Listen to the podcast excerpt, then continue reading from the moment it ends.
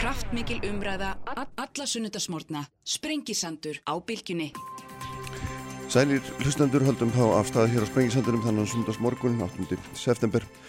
Elisabeth Sveinsdóttir verður hérna hjá mér í lokþáttarins. Uh, uh, hún er eina af þeim þremur sem að sapna undir, sapna fyrir undir, uh, undir heitinu á allra vörum og hefur verið aðundar farið nýju ár. Merkilegt framtak sem við ætlum aðeins að ræða. Ég ætla að ræða við Guðmund Haldunusson, professor í Sækfræði. Hér á eftir líka, þau verða hjá mér Otni Harðardóttir Eh, Björn Lífi Gunnarsson og Viljum Tór Þórsson að ræða og um fjálagafröðarpið en fyrsti gestur minn í dag er Lilja Alfredsdóttir, mentamálar á þeirra, velkomin Lilja. Takk fyrir. Við ætlum aðeins að fara svona yfir eitt og annað sko, mér langar aðeins að ræða við um fjálmilana, fjálmilafröðarpið og, og nú er búið að hérna og svo ræðum við aðeins um bankasölu, þú ert í ráðhverja nefndir um efnarsmáni líka og kannski fá og svona eitthvað eitt, eitt og annað til viðbútar e, sko, í hérna, í fyrsta lagi þá, þá hérna, kemur það núna fram í fræðarlega fröðarpið þú ert búin að fá pening. Mm -hmm. 520 miljónir sínist mér svona það er allt til allt saman til þess að setja inn í inn í engarekna fjölmila, er það ekki rétt? 400 í beina styrk og svo kemur 120 viðbútar svona með afleitum hætti ef svo má segja. Þannig þetta er að verða veruleika greinlega hérna við erum að fara að styrkja engarekna fjölmila með þetta.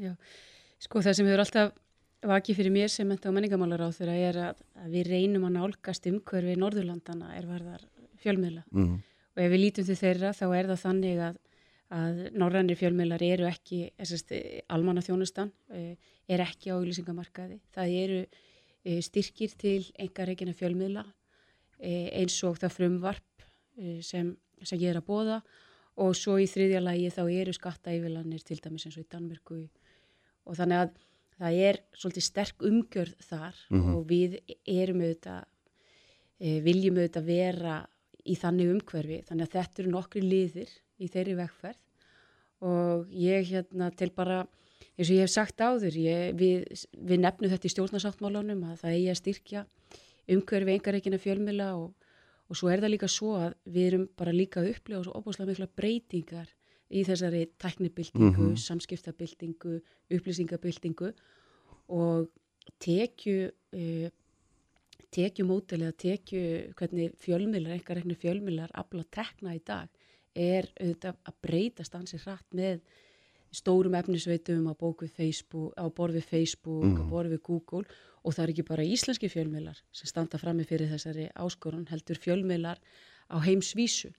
Og ég eh, alþingi samþykti núna samljóða eh, þingsáleiktun um að ebla stöðu íslenska tungu á öllum sviðum samfélagsins og þetta er auðvitað mjög mikilvægt svið samfélagsins mm. þess að við viljum auðvitað geta e, e, lesið og, og hlustað og, og notið bara öflugurar íslenskar fjölmjölunar mm. Og er hérna og að hvað miklu leiti hangir þetta saman við einhvers konar endurskoðun á hlutverki því sem að margir sem að regna fjölmjöla kalla fílin í stofinu og þess ekki hægt að ræða mynda án þess að ræða ríkisútarpið og hérna, stöðu þess og umsvið á markaði og svo framvegis. Að hvað miklu leiti hangir þetta saman í þínum huga?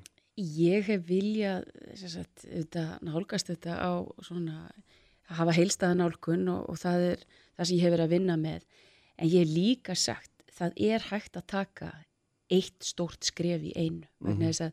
Þetta er viðfangsefni sem margir eh, aðrir menta og menningamálur á þeirra hafa verið að kljást við og við hefum kannski ekki séð mikla breytingar hvað þetta varðar og nú er, er, er búið að smíða mjög gott frumvarp, mm -hmm. þetta er fjármagnað þannig að ég segi nú þurfum við bara að, að klára málið. Mm -hmm. En hvaða, svona, hvaða upphæðir er þetta? Hvernig er það fundnara? Því að 500 miljónir í alla engaregna fjölmila eru þetta hljómar á getis upphæði en þegar þú ferðar deilinni niður þá kemur ekki mikið í hlut hvað svo eins og kannski skiptur nú ekki öllu máli um, um það að hverju meginn hryggjar menn lenda í rekstrinum. Við miðum þetta út frá uh, rítstjórnum, þetta miður að því að ebla rítstjórnir að norranni fyrirmynd og, og upphæðir og annars slíkt er, er sett, í, sett í þetta alþjóðlega samhengi.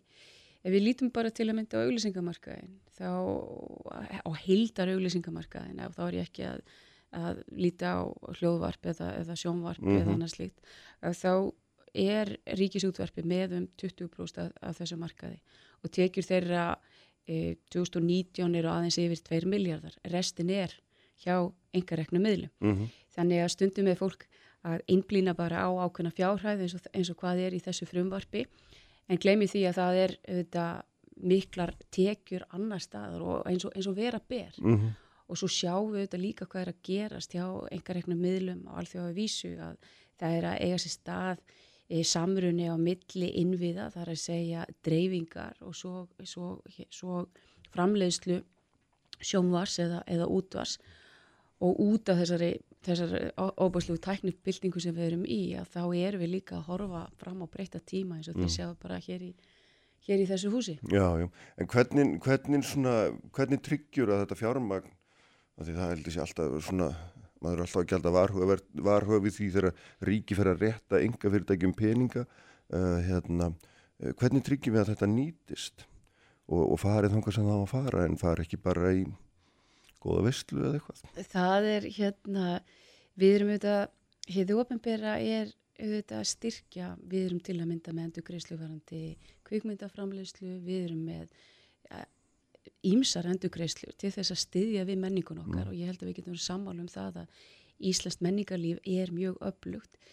Við verðum auðvitað að, treysta því og eins og við þessar reglur sem við setjum fram þær eru mjög gagsæðar og það er alveg ljóst eh, hvernig landi likur í þeim efnum og þarna byggir þetta auðvitað á trusti að, að eins og við vitum að það er gríðalega mikilvægt mm. að fara mjög vel með óbert fyrir og, og ég ætlast til þess að, að svo verði í þessu mm. eins og í öðrum þeim kerfum sem við höfum sett til þess að styrkja við íslenska menningu. Mm -hmm. En er, er hérna þinglokkur sjálfstæðarflokksins komin á er að fara að hérna, hallast að segja með þér að því að það voru, voru tölverleitið um þegar þú laðir þetta fyrst fram og svo endur skoðaður frumvarpið og hérna, það er það vantla núna í þeirri mynd, er það ekki? Jú, ég hérna varandi þingflokk sjálfstæðisflokksins eh, það hafa komið margar hérna gaglegar ábendingar mm -hmm. og ég á í mjög góðu samstarfi við eh, líkil fólk eh, hvað þetta varðar og þannan málaflokk.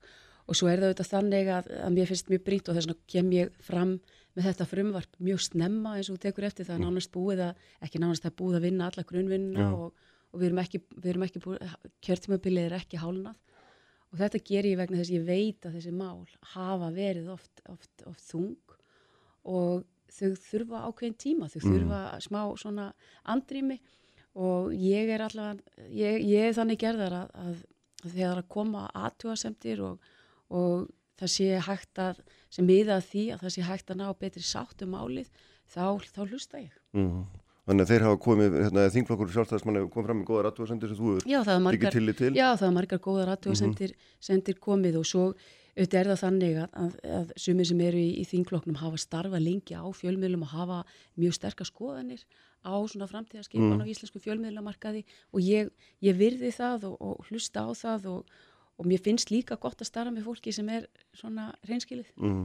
En þú hefur opnað það líka, ég man nú ekki eftir í raun og veru að mentamráða það er gert það með svona afgerandi hætti að taka ríkisútarfinn hennilega út af auðvisingamarkaði. Það hefur alltaf verið svona, menn hafa alltaf veigrað sér við það og svo hefur maður líka alltaf gegnum tíðin að tekið eftir því að auðlisendur sjálfur hafi ekki verið hrifnir af því. En mm. þá eru þetta færri leiðir fyrir þá til þess að, að ná til hérna ná til sína viðskiptavina en þarna ertu að opna á, á það að reynlega að ríksútur fari alveg út af ölsingamarka ég, ég vil bara við ræðum þessi mál og ég segi sko ef við erum að líta og við viljum virkilega styrkja umgjörðina þá verðum við að líta til, til þessa umgjörðin sem svo er á Norðurlandunum og ég lísti því ég mitt hérna mhm. -huh. í upphafi og ég veit líka til þess að, að mentamálar á þeirra sem hafa verið á undan mér hafa svona komist að þeirri niðurstöðu þegar hafa farið mjög vel yfir málið og þetta sé skynsalegt að gera mm. og um, þá eru við með í raun og verið svona þrýþægt kerfi og ég held að það sé farsalast til lengri tíma litið en við verðum auðvitað, það þarf að ná sátt um þetta eins og ég er að ná mm. sátt um fjölmjölafröðumarfið mm -hmm. og þetta tekur ákveðin tíma en eins og ég segi, kjörðum að bylið er nú, er nú, er nú hálnað, -hmm. er, er, er ekki hálnað en þetta er, þetta er spennandi viðfóngsefni og ég held að við höfum náð talsverðum árangri nú þegar að, að fara yfir máli mm. með þessum hætti. Já, en það, þú, hvernig hefur þú sko, að því að það kemur alltaf, alltaf fram jafnliða að hérna, það verða að bæta ríkisöldurum upp því svo kallega tekjutab mm. sem af þessu, af þessu hlýst. uh, og þar með að halda einhvern veginn svona ámóta vantarlega og nú eru hvaða leiðir á að fara því á að setja hérna, ég man alveg eftir umræðum að ríksútturinn með ekki vera á fjárlögum að því þá er það háð einhverju hendistefnu stjórnmálamanna og svo framvegis en ef maður átt að sig gjónu svona er ekki kannski bara heila drúast að, að svona apparat sé bara í mestum tengslum við almenningi gegnum Skattskerfið? Já, eða, eða gegnum auðlýsingar eða eitthvað slíkt, er það ekki bara... Ég, ég held að, að, hérna, að þegar við skoðum þetta og skoðum, skoðum eins og ég nefndi upp af við mm. varðandi Norðurlöndin, að þetta er ákveðin leið sem, sem Norðurlöndin fara vegna þess að þau vilja að það sé ákveði rými fyrir einhver reknu fjölmiðlana og við þetta sjáum að, að það hafa verið e, umtalsverðir ekstra örðuleikar í, í langan tíma og við viljum auðvitað líka að einhver reknu fjölmiðla séu óháðir og það sama má segja ef við erum að tala um að vera háðir og, og ekki háðir að mm. sumi segja er ríkisútvarpið, er það óháð þegar það er inn á auglýsingamarkaði mm -hmm. sumi spyrja sig að því væri, ekki, væri ekki bara er ekki kannski bara ágætt að vera líka með, með reynd borð En sérðu það þannig fyrir þér að þetta verði bara fjármagnað bara ég, fjárlögum? Ég, ég, það er einleið að, mm. að setja hluta á þessu fjár, fjárlög það er einleið að, að e, það sé svipað út á skjald og er á hinu Norðurlöndunum sem er aðeins hærra. Mm -hmm. Þannig að það eru nokkra leiðir sem við erum búin að vera að vinna með í mínu ráðanetti, mm -hmm. hvernig væri hægt að koma mm -hmm. til mótsviðita.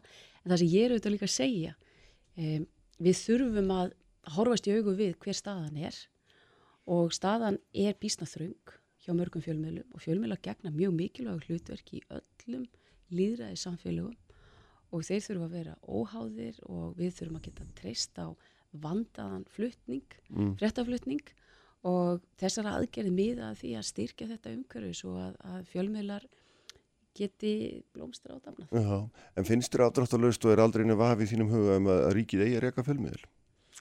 Eh, það, ég er alveg afdráttalöst í því, afdráttalöst í því að ég til að ríkið eigi að, að sinna almanna þjónustu, já, já. þessum vettum og fyrirtaflutningi og öllu dagskargerð og öllu dóttinu. Vi, við sjáum að, að e, þjóðin er, er ána með sitt ríkisútvarp, mm -hmm. það séum 80% eða svo. Mm -hmm. Það er nú, nú staðrendin. Þannig að þú ert ekki að með undir neinum kringustöðum að fara að hrópla við Nei. þeirri stöðu heldur einungis að leggja til einhvers konar aðra leiði til þess að annast reksturinn er ekki rétt skilið á mér. Jú, það er, það er rétt skilið. Mm -hmm. og, og hérna hvað er svona nú leggur þetta frumvarvæntilega fram í, mm -hmm. á þinginu núna ekki sagt? Já, ég legg það fram á næstu vikum já.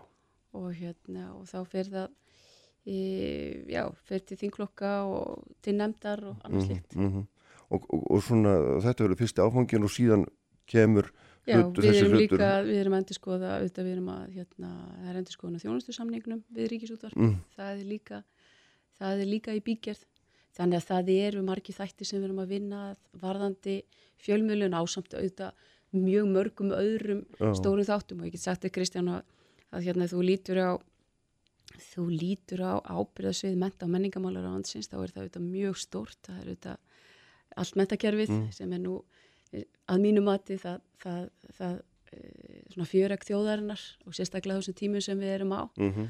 og svo auðvitað öll menningin þá er einhver búin að segja við mig, sko, þú mátt alveg búast við því, Lilja, að það fari svona, jábel 15-20% af þínu tíma í þessi fjölmennamál. Mm -hmm. Ég er svona, nei, það er nú, það finnst mér nú mjög ólíklegt, en hérna, miðað til dæmis hvernig þetta viðtalar er að þróast, þá held ég að hérna, það sé, það sé. Ég skildi þessa pillu vel.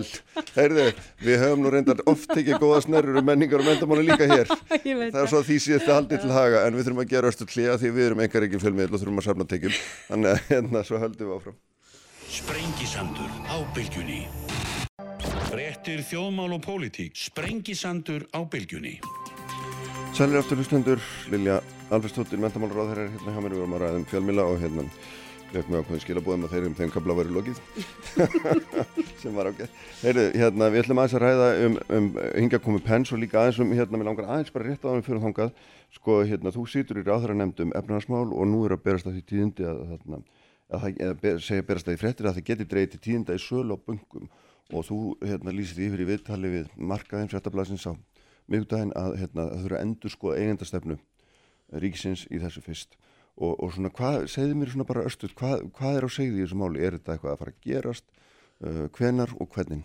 Það, það stendur auðvitað Kristján í stjórnarsáttmar ríkistjórnarinnar að við viljum losa um eignarhald uh, ríkisjós í bankakerfinu en það er það mjög hátt á Íslandi miða við Evroparíkin mm -hmm. og við auðvitað þekkjum það mæta vel að, að þegar það var farið í losun fjármagsaftana að, að stöðleika framlögin sem voru mjög mikil, mm. rúmi 600 miljardar að e, eitt, e, eitt liður í því var Íslandsbanki, þannig að ríkið er með landsbankan og Íslandsbanka. Og við höfum auðvitað verið að vinna því gegnum kvítbókina að hvernig framtíða skipan á að vera á íslensku fjármálamarkaði. Og það sem skiptir auðvitað mestu máli þar er að það sem við sjáum auðvitað kerfi sem við erum með er mjög dýrt mm -hmm. það er hlutvarslega mjög dýrara en, en e, annar staðar og það sem þarf að vera leiðaljósið í öllum breytingum sem eiga sér stað í íslensku fjármálamarkaði er auðvitað í fyrsta lagi að við séum að horfa fram á breytingar sem munum lækka kostnað og við sjáum það auðvitað með sjálfvirknivæðingun og öðru að bankakerfið er að breytast mjög mikið mm -hmm. Í öðru lagi þá þarf eigenda stefnan að vera alveg skýr. Allt sem við gerum varðið þetta þarf að vera gert í opnu og gagsægi ferli og e, mögulegir kaupendur, hvort sem það er e, almenningur eða, eða aðrir aðilar. Að það þarf að vera alveg skýrt hvert hlutverk ríkisjósis er á þessu markaði. Mm -hmm. Við höfum talað um það að, að landsbankin verði í, eigu ríkisjós en í núverandi eigandastefnu þá er það ekki gefið til kynna þannig að það er algjör e, fórsenda að við uppfærum þessi eigandastefnu mm -hmm. og við séum mjög skýri í því sem við erum að, að gera og ég held að séu mörg tækifæri til þess að, að hérna, bæta þjónustu og, og, og læka kostnað. Og ég held að við sjáum það það er nú þegar verið eiga sér stað. Og þetta er það bankakerfi sem við erum að horfa upp á núna allt annað bankakerfi en ég aðdraðanda fjármálarhrunsins mm -hmm. og við sjáum auðvitað líka rosalega miklar breytingar eiga sér stað í löndunum í kringum okkur vegna teknithrónar og við þurfum auðvitað að vera á, á tánum og passa upp á að allt regluverk sé með þeim hætti eins og bestur á kosið og auðvitað höfum við verið að horfa upp á e, miklar umbætur e, í stöðu mm. á, á, fjármála, á fjármálamarkaðunum á síðustu missurum. En líkilatrið er að, að ferlið sem fer á stað að það ríki tröst til þess mm -hmm.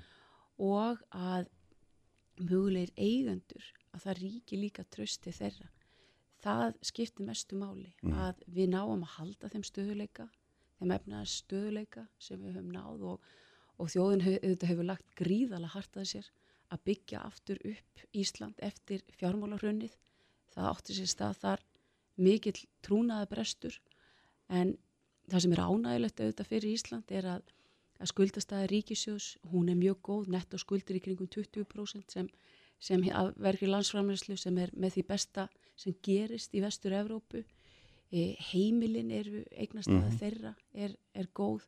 Fyrirtækin hafa nýtt sér þess að þennan tíma mjög vel og hafa undið ofan á skuldastöðu sinni og svo eru þetta annað sem er mjög ánægilt fyrir Íslands efna, efnahagskerfi. Efnahagslíf er að að greiðslujöfni þjóðabúsins mm. hann hefur ekki verið í betri stöðu held ég bara í mm. líðveldi sögun en, en það sem þú ert að lýsa, er þetta ekki bara ástand sem að hérna, uh, segir okkur það að það er ágætt að hafa hlutin eins og þeir eru það þarf ekki að vera hérna, að breyta þeim mikið Nei, þetta það, er bankakerfi stórt, það er þetta að minga það en það þarf ekki að hérna... það, það, það eru, eru hins vegar ákveðin færi í þessari stöðu og mm. þau eru, eru að eitt af því sem eh, er mjög dýrt er að vera fjármála þjónustu það eru öll upplýsingakerfin mm. mjög, ég veit ekki hvort það sé verið eða 15 miljóðum á ári Já. Ég sé það alveg fyrir mér að þar geti e, fjármálastofnanir unnið meira saman ég veit til þess og þá er ég að tala um svona innviði já, já. varðandi fjármála þjónustu bara svo aðra innviði sem við erum með mm. og það eru auðvitað þannig að Það var samkemmis yfirleitt, auðvöld alltaf sagt nei, þetta má ekki. Já, ég held að það sé nú samt einhver aukin skilningur þó ég þóri ekki að fullir það akkurat mm. hérna nákvæmlega hvernig þeim samskiptum er, er háttað.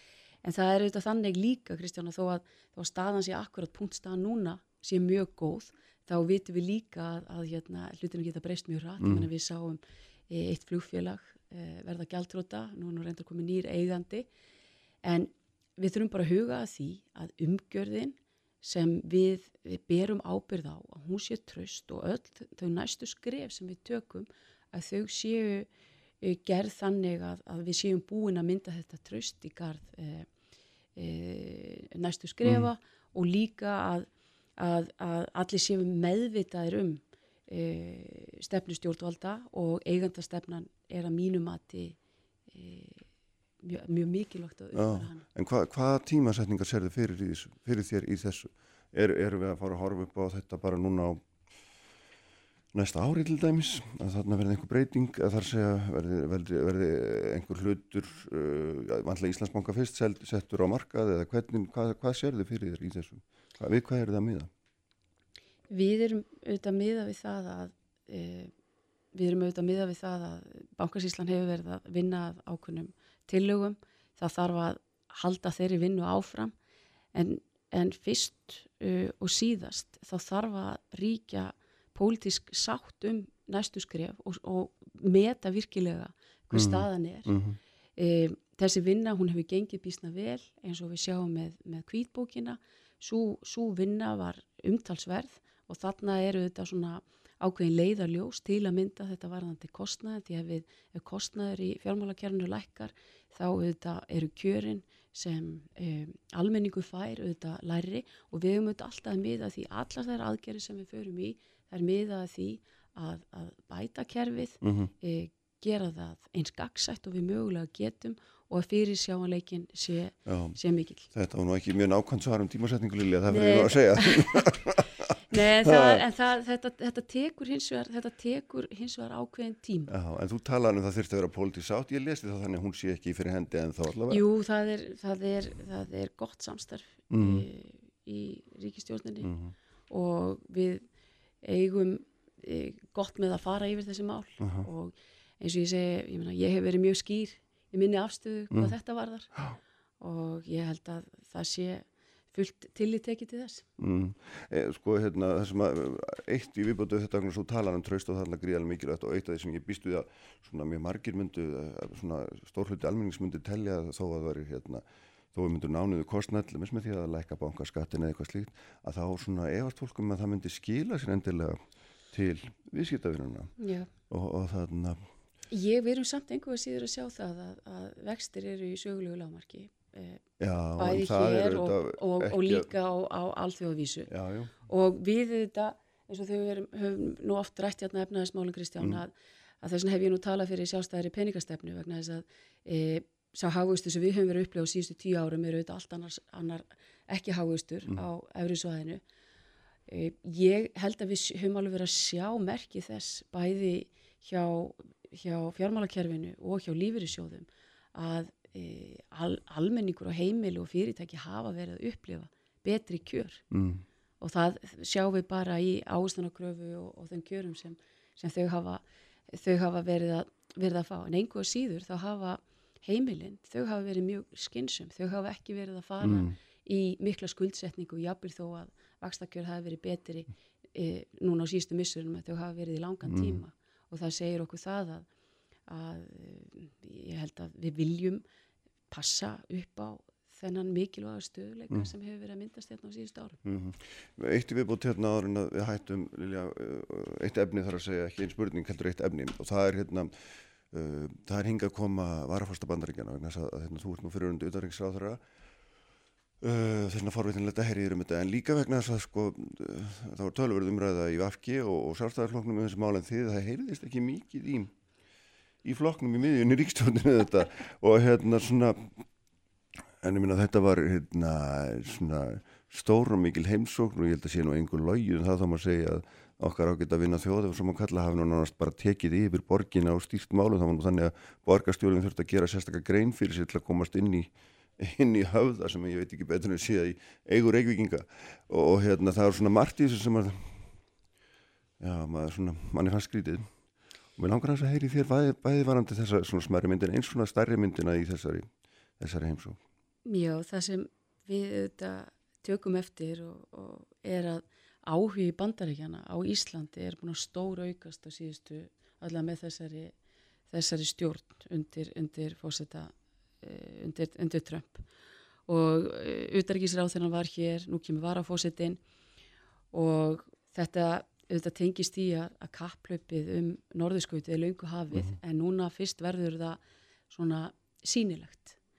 Og það sem þetta sný, að mínum að þetta snýst þetta mikið um Kína og samskipti bandaríkjana á Kína og svo norðurskautið.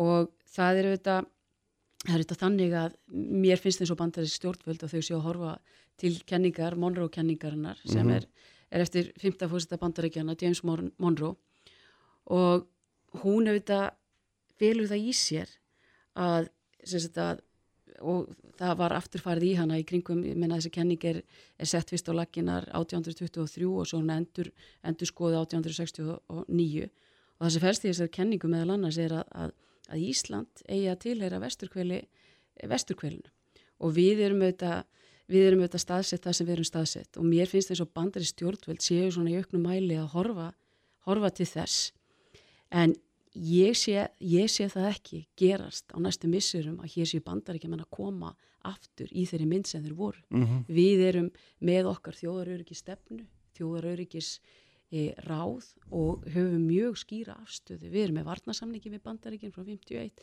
E, við erum e, í öllum líkil stopnunum eins og við erum okkar í allarsasbandalæðinu stopn aðlar því og fleiru. Þannig að staða okkar er varðar öryggis og varnamál að mínum að þetta er bísna góð. Mm. Ég lít miklu frekar á þessa heimsókn sem, e, e, þess, sem sagt, í tengslum við vaksandi áhrif kínverja og hvað Kína og hagkerfi þeirra hefur að vaksa alveg gríðal á síðustu 25 árun. Mhm. Ég var komað þarna aftur, ég hafði ekki komið til Kína í 25 ár, fór þarna fyrst að ferðaðist sem, e, bara, sem nefandi um allt Kína og breytinganar á einu hagkerfi á 25 árum, ég fullir því að það hefur ekkert annað eins gæst í mannkynnsögunni Mhm. og hvað eru margir sem eru að fara úr því að vera e, úr fátækt í millistjett og millistjett í efri, efri millistjett og, og fjöldin þarna er svo gríðalegur Mhm. þannig að bara þessi opnun til að mynda er flug eða verið beint flug frá Kína til Íslands tækifærin varandi útflutning og ferðarþjónustu eru óendalega og ég held að þetta sé eitt af því sem bandaríkjumenn eru að horfa til og Mhm. eins og eitt af því sem kemur fram í máli varafósitans hann e, ávarpar þetta varandi belti og, og Belti og braut eins og þetta heitir belti, belti og braut og, og, og er með fullirðingu sem er, sem, sem er ekki rétt Nei, nei, og, þannig að, þannig að það sem ég held, það sem er auðvitað að gerast þarna, þeir eru svolítið að kanna hverjir eru, hverjir eru í liðinu Já, og hverjir eru ekki í liðinu. og erum við í liðinu?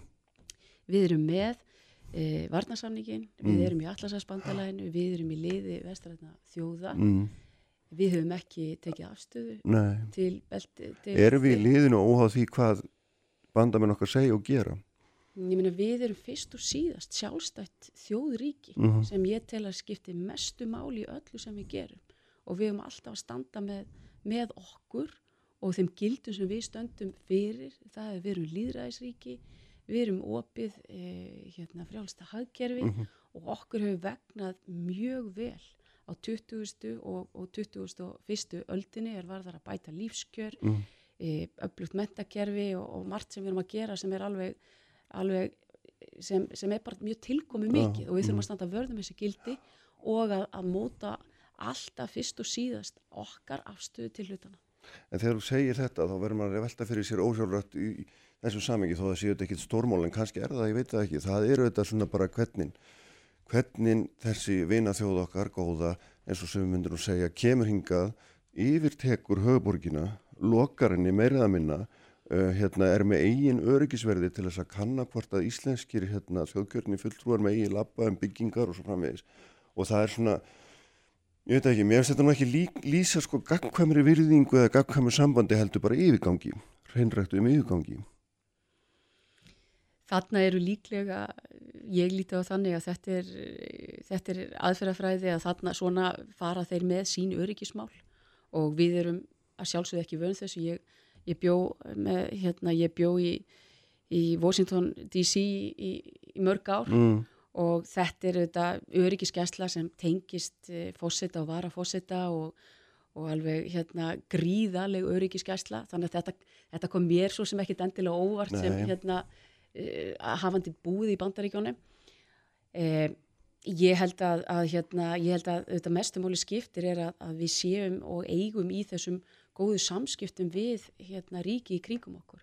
Við auðvitað þrýfumst á því að, að geta selt okkar vörur og Mm. þjónustu og þannig auðvitað myndast okkar hagsælt En, en við gefum hins aldrei afslátt af, af, hérna, af þeim gildum sem við stöndum frammi fyrir, Mhm. eða ekki stöndum frammi fyrir heldur stöndum fyrir Já, já, og ég sé ekkert jafnvel þó þeir komi hingað með, með ákveðna öryggiskeslu sem tilheyri líklega einhverjum eh, reglum hjá þeim ég kipi mér ekki mikið upp í það ef ég, Mm. ef ég á að segja Nei, alveg eins og alltaf. en, ég, en hins vegar þá, þá hérna þá er það auðvitað alveg á hreinu hvað okkur varðar að, að, að við stýrum okkar e, öryggistefnu og Mm. erum búin að að var utaríkis á þegar var hún einmitt samþygt á þingi og, og hérna og ég er bara mjög stolt af því með öllum greitum atkvæðum nema hérna, afgefa það ekki en ég meina þetta er þetta snýst alveg bara um ásýnd það snýst líka bara um ásýnd það snýst um það hver stendur í dyrunum og stoppa hvern sko. Já, ég meina og við sjáum hérna þetta mjög mikið- svona já. og ég, ég, það svona ég trúði ekki okkur svona við höllum okkur bara aftur og segja að þeir gera þetta svona sér Ég meina við sjáum auðvitað mikinn mun á því þegar kanslari Þýskalands, Merkel kemur hinga bara frjálslegum og svo göttum varafósiti bandarækjana. En það segir okkur líka að það er ólík nálgun á þessi öryggismál í þessum ríkjum. Og ég tel að einhverju leiti, þá þurfum við að, að veita því hérna, ákveðin skilning. Mm.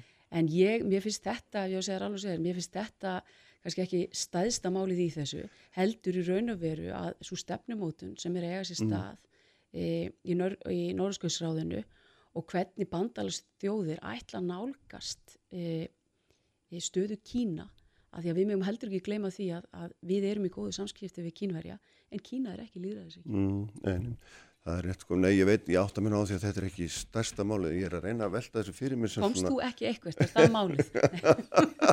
Nei, það var nú alls ekki málið. Ég var nú bara að reyna að velta fyrir mig sem svona hluta fyrir heild sko og, og, hérna, og samskiptin sem maður á við fólk Mm uh, á einhverju svona með gagkvæmri virðingu og mér fannst þetta ekki lýsa því og ég er að hagvætti því.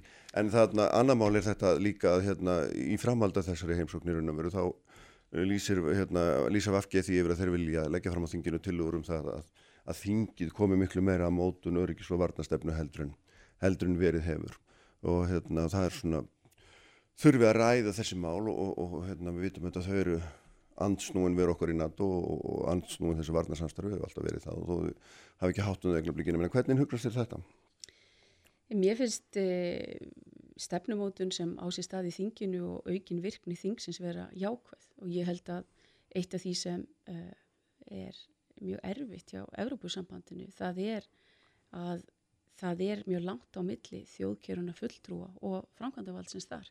Þannig að ég segja allt sem eflir e, e, þingið og alþingi íslendinga, það er mjög jákvæmt. Ég leitast sjálf eftir því mjög miklu mæli að vera í eins miklum samskiptum við þingnemndir sem heyra, sem, sem hérna fara með málefni míns ráðan, ráðan, ráðanætis og ég get sagt því það Kristján að það gagnast manni sem ráð þeirra mjög vel að heyra í e, þingmönnum um áherslur og, og hvernig e, sérst, hvaða spurningar koma þar fram og, og ég nota það alltaf tilbaka inn í, mm. inn í ráðandi þannig að ég ef, ef hérna, vinstri reyfingin grænt frambóð vil hérna, e, setja svona málefni frekar í hérna, eða auk, auka svona aðkomi þingsins þá, þá, þá fagna ég því Mm -hmm. og mér finnst það hitt besta mál en mér langar aðeins að nefna Já. því að, að, því að e, það voru 90 ár e, hérna, 80 ár, Já, 80 ætlaðirðu að ár, vildi Já, ég segja. Já,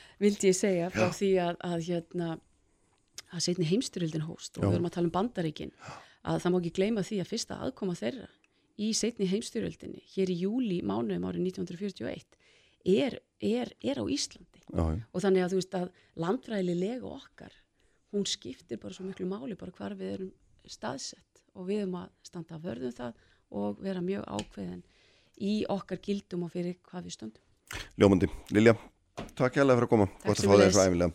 Uh, Föru hérna hjá mér Viljum Þór Þórsson, uh, Björn Levi Gunnarsson og Odni Haraldóttur eftir, ræðum þá aðeins um fjárlega frumvarpið. Sprengisandur á bylgjunni Sæli hlustundur höldum áfram sem leiðlikur hér á Sprengisandunum, uh, Lilja Alfersdóttir farin frá mér. Uh, Jóhann og Elisabethu Sveinsdóttur hér uh, undir 12, hún er einn þeirra sem stendur fyrir söfnunaráttakinu undir, undir nafninu á allra vörum. Guðmundur Haldunarsson prófessor Sakræði verður hérna líka en þeir hjá mig núna eru Björn Lífi Gunnarsson, Viljum Þór Þórsson og Odni Harðardóttir sem eru aldingismenn allt saman. Verðið velkominn. Takk fyrir. Hérna, eh, grínast með það held ég að vera í postið til Viljums að hérna, þetta veri svona klassíst fjárlega tríó sem að væri, væri mætt hérna þrjú á palli eða þannig, en hérna við ætlum að ræða eins um, hérna, um fjárlagafrömmarfið og svona pólitíkina sem byrtist í því. Við hefum svona gert þetta áður og hérna reynda svona skerpa aðeins línunar hvað, hvað hérna hvað þýðir uh, þetta og svona ég veit ekki hvað, ef að þú byrjar átni hvað hinn pólitísku tíðindi, það er alltaf að geta velta því aðeins fyrir sér, er kannski engin pólitísk tíðindi í þessu, þetta er svona aldrei mikið lokn, eða hvað? Hvað finnst þér? Sko mér finnst mér finnst auðvitað að vera stór tíðindi að það Já. skuli ekki vera gerð mikil breyting frá efnaðastefnu sjálfstæðarsflokksins sem að hefur bara ráði hér ríkjum síðan 2013 og ef þú lest í byrjunin á greinagerðina í fjárlægafrömmarpinu þá er það hálfgeir svona lofgjörð eh, á þeirri efnaðastefnu sem að við í samfélkingunni höfum náttúrulega gaggrind mjög harlega Mm. en það er hún gaggrinni verð og hún gekk út á það að svelta innviði og velferðina á uppgangstímum og reygin var skattastefna sem að hagnaðist þeim ríku best og vakstabótakerfið og barnabótakerfið var bara tekið úr sambandi fyrir þúsundir barnafjörskildina. Vissilega voru greitanir skuldir og það hefðu alla ríkisjóðni gert því að við vorum mjög, mjög hérna, skuldsett og, og vext, vaxtin, vextinir háir. Mm. En það er líka annað form af skuldasöfnun að vannrækja innviðina. Það getur verið mjög kostnaðsamt og við horfum fram á þann kostnað núna. Mm Innviðaskuldin hefur ekki verið greitt og það er skuld við þjóðina, við þá sem þurfa þjónustu ríkisins að halda og öðrum innviðum samfélagsins. Mm Skuldu framtíðan í raun og verum Já. Viljum, Já, mér fannst uh, Odni eiginlega bara uh, um leið og hún benti á þennan þátt, vissulega voru svona fram til fjö- 2014, 15, að ekki mikil sókn í innviðaupingunni.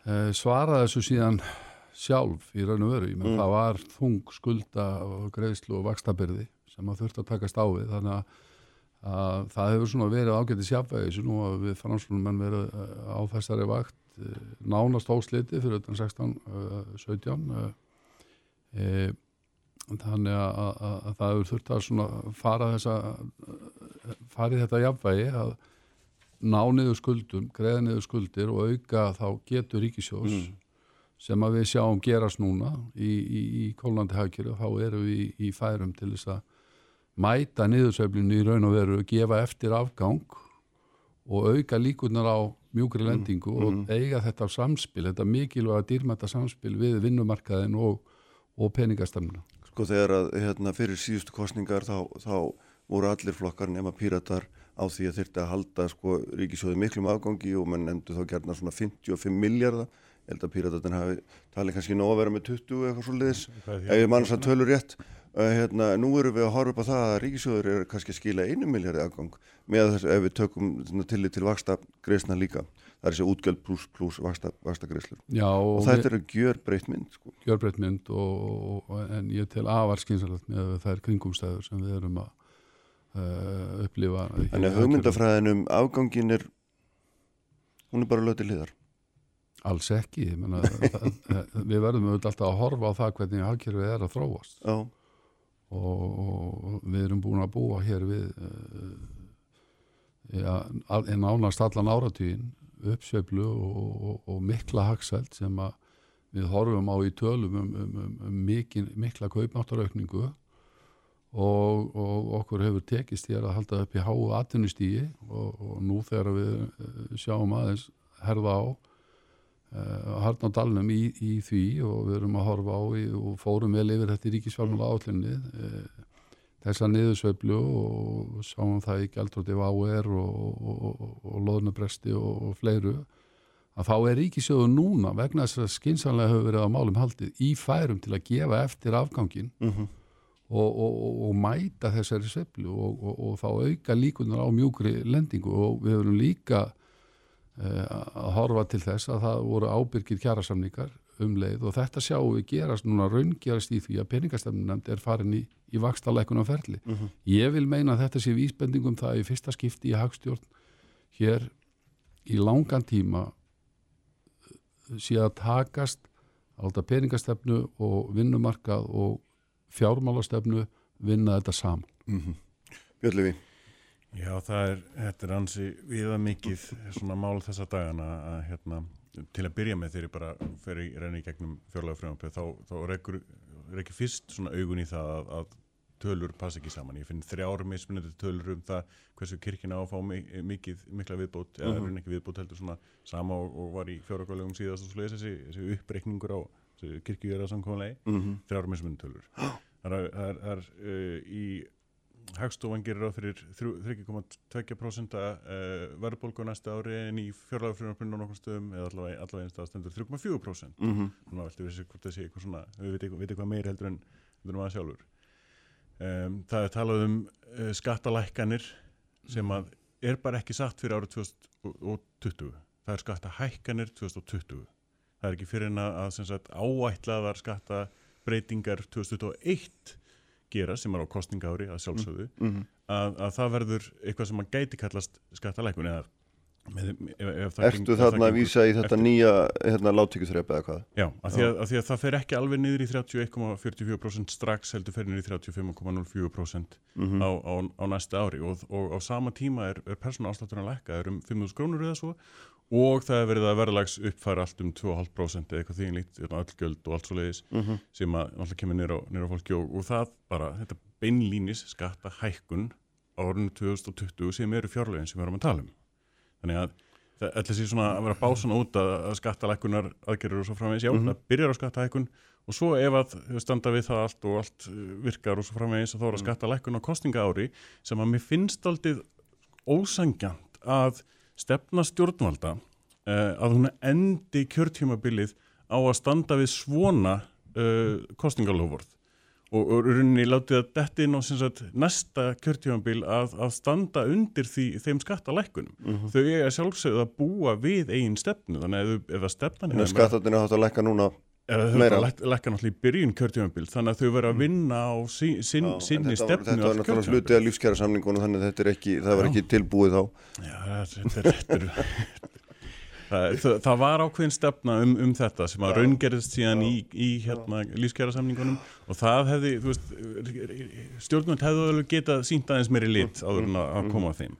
Svo er ímislegt annað eins og að tala um hérna innviðaskuldina og, og, og, þá svona leiðréttingu sem að var aðna í hrununu sem að fór ekkert á rétta staði, til dæmis í innviðaskuldinni, það var algjörlega hunsað og við erum bara á, eins og við höfum verið að tala eins um, við erum bara á aldrei rungum nótum með því að tala alltaf um afgang og þessa köku og, og bara verka landsframlýslu. Við verðum að fara að tala um þessa, þessa hluti, þennan efna, efnagaskerfið í miklu stærra svona velseldar haugkerfis uh, svona pælingum. Já, mhm.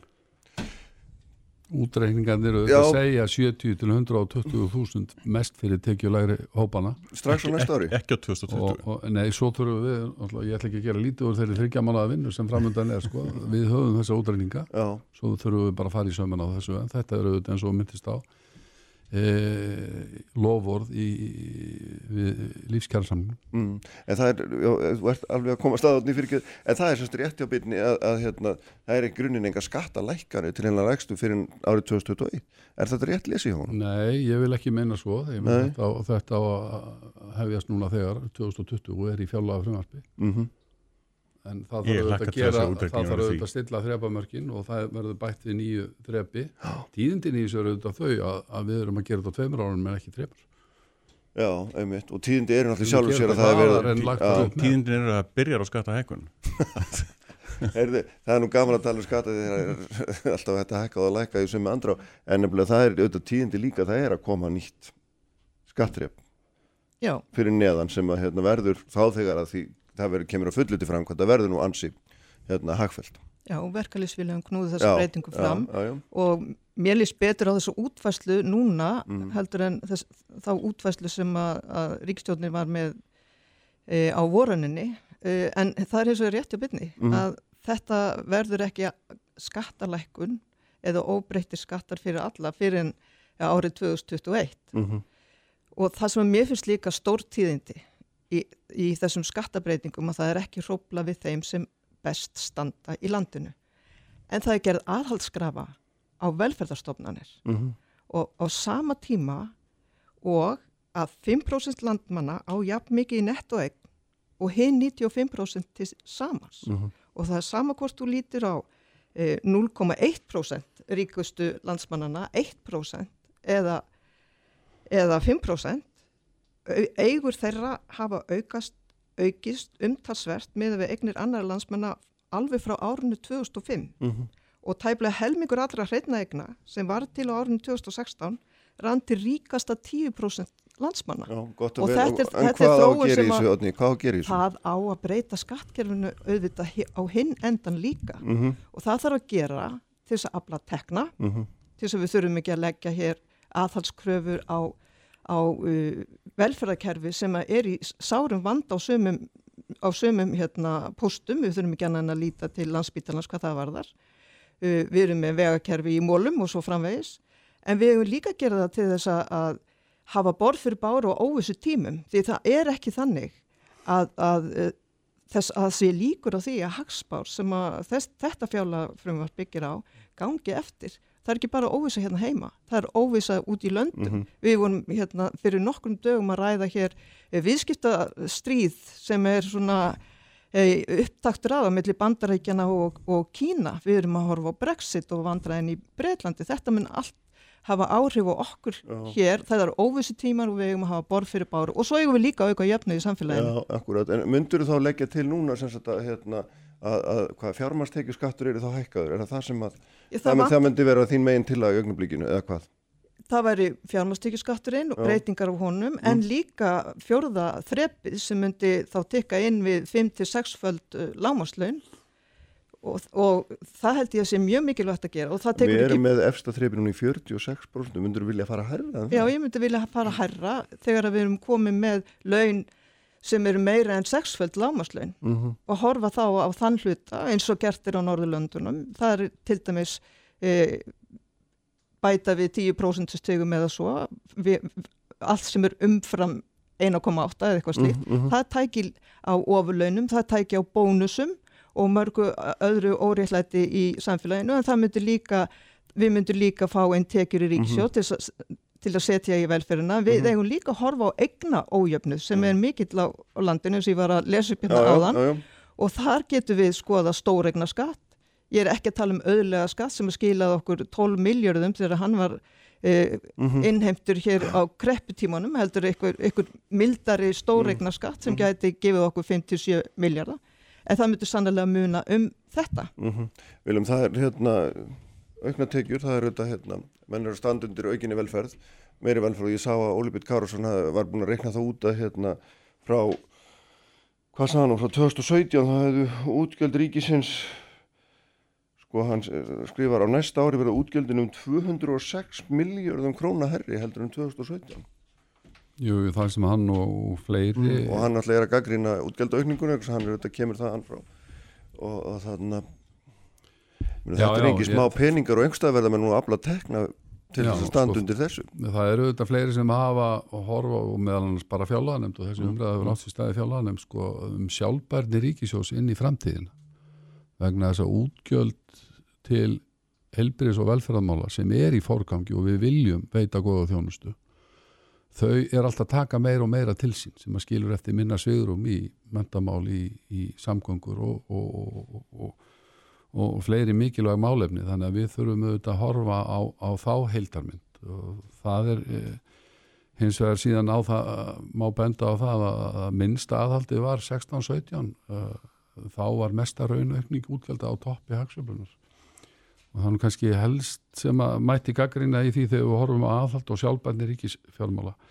Mér finnst það er mikilvægast að horfa á það núna þegar við förum í þessa vinnu fjárlaganemnd og skoðum allar þessar tölur og þrepin og því ofni ég er að tala hér um, um, um, um, um efsta þrepið og jöfnuðin og sem er bara fínu umræða og, og, hérna, og við hefum alltaf að taka í þessu heldarsamingi að, að, að þá þurfum við auðvitað að fara í saumana á því að við séum að mæta lofurinu sem við gáum í tengslu við kjærasamninga og, og, og, og við skilum því sem verkalýsreifingin e, fór fram á og, og það er nú kannski verkefnið og, og, og að þessir, þessar auknur ástöðunatekjur til tekjulægri og middeltekjuhópa skilir sér. mm. og þú ert samfæður um að það gerist núna í eins og hérna bestfett getur orðið í þessu. Já, með að við tölunar sem eru gefnar upp í, í gögnunum sem við fáum með síðan fjárlagafrömmarpinu Já, en þetta eru þetta bara verkefni fjárlaganemndar að fara yfir mm, núna á næstu þremur mánuðum í, í tengslu við umræðinu um fjárlagafrömmarpinu mm, Ég, það er, ég skoða sem sagt, þessa aðalposta sem sagt, fjárlagafrömmarsins og, og þá heilbreyðiskerfið alltaf líka og, og við höfum fengið fullt af yfirlitum og, og, og fundum um rekstra randa innan heilbreyðiskerfisins mm. uh, sem að hefur ekki verið tekið á. Það er mönnunavandi, það er uh, vandi í hugrunar og dvalarheimilum sem vandar og, og þó að það væri hægt að útvega þessi, þetta húsnaði að þá væri samt ekki hægt að afla sem sagt mannfjöldans Nei, til þess að, það að, að reyka fólk til að vinna þar. Nákvæmlega, þannig að það, það er, ég skil ekki af hverju það er ekki lausnir við þessum vandamálum í fjárlega frumvarpinu. mhm, Jú, það verður að byggja nýjan spítala, æðislegt, en þá þarf líka fólk til þess að, að vera þar. mhm, Kanski eru útskýringar að, að þá geta verið ekki alveg eins mikið á tveimur stöðum eins og eru núna, það kannski sparar eitthvað, en, en það er bara hugmynd sem, sem, sem mér dettur í hug. mhm, Við höfum aldrei fengið þá útskýringu að, að þetta sé að leysa þetta vandamál til framtíðar. Og ég verð að setja rauninni mjög stóra spurningu við, við, við þetta. Þegar að vandamálin eru svona augljós, af hverju eru lusninar ekki í einmitt fjármála áallun og fjárlögum? Það er bara mjög stór spurning og sama spurning hvað var það lífskjara samningana ef að, ef að þetta lítur út eins og, eins og það gerir í fjárlagafröðum með bara strax lækkun á, á persónáslættunum og, og sagt, lítilli lækkunarunni á, á uh, fyrsta þrepinu sem er, er að verða til og þá hækkun á miðtrepinu eins og, eins og það er að þá skil ég ekki ef, að, ef að þetta er til þess að mæta sér lífskjærasamningunum hvernig því lofurði var það lofurði mynd að hækka skatta fyrst áður en þeir eru þau lækkaðir? Og, og ég, ég get alveg tekið undir það að, að sagt, uh, kerfið eins og kemur til með að líta út 2021 Já. ég get alveg tekið út að það er betri útfærsla heldur en í, í, við sáum í fjármál áhlenninni tvímælalust og fara reiknin framleiðinu og veleg það, það held ég að sé, sé mjög jákvæmt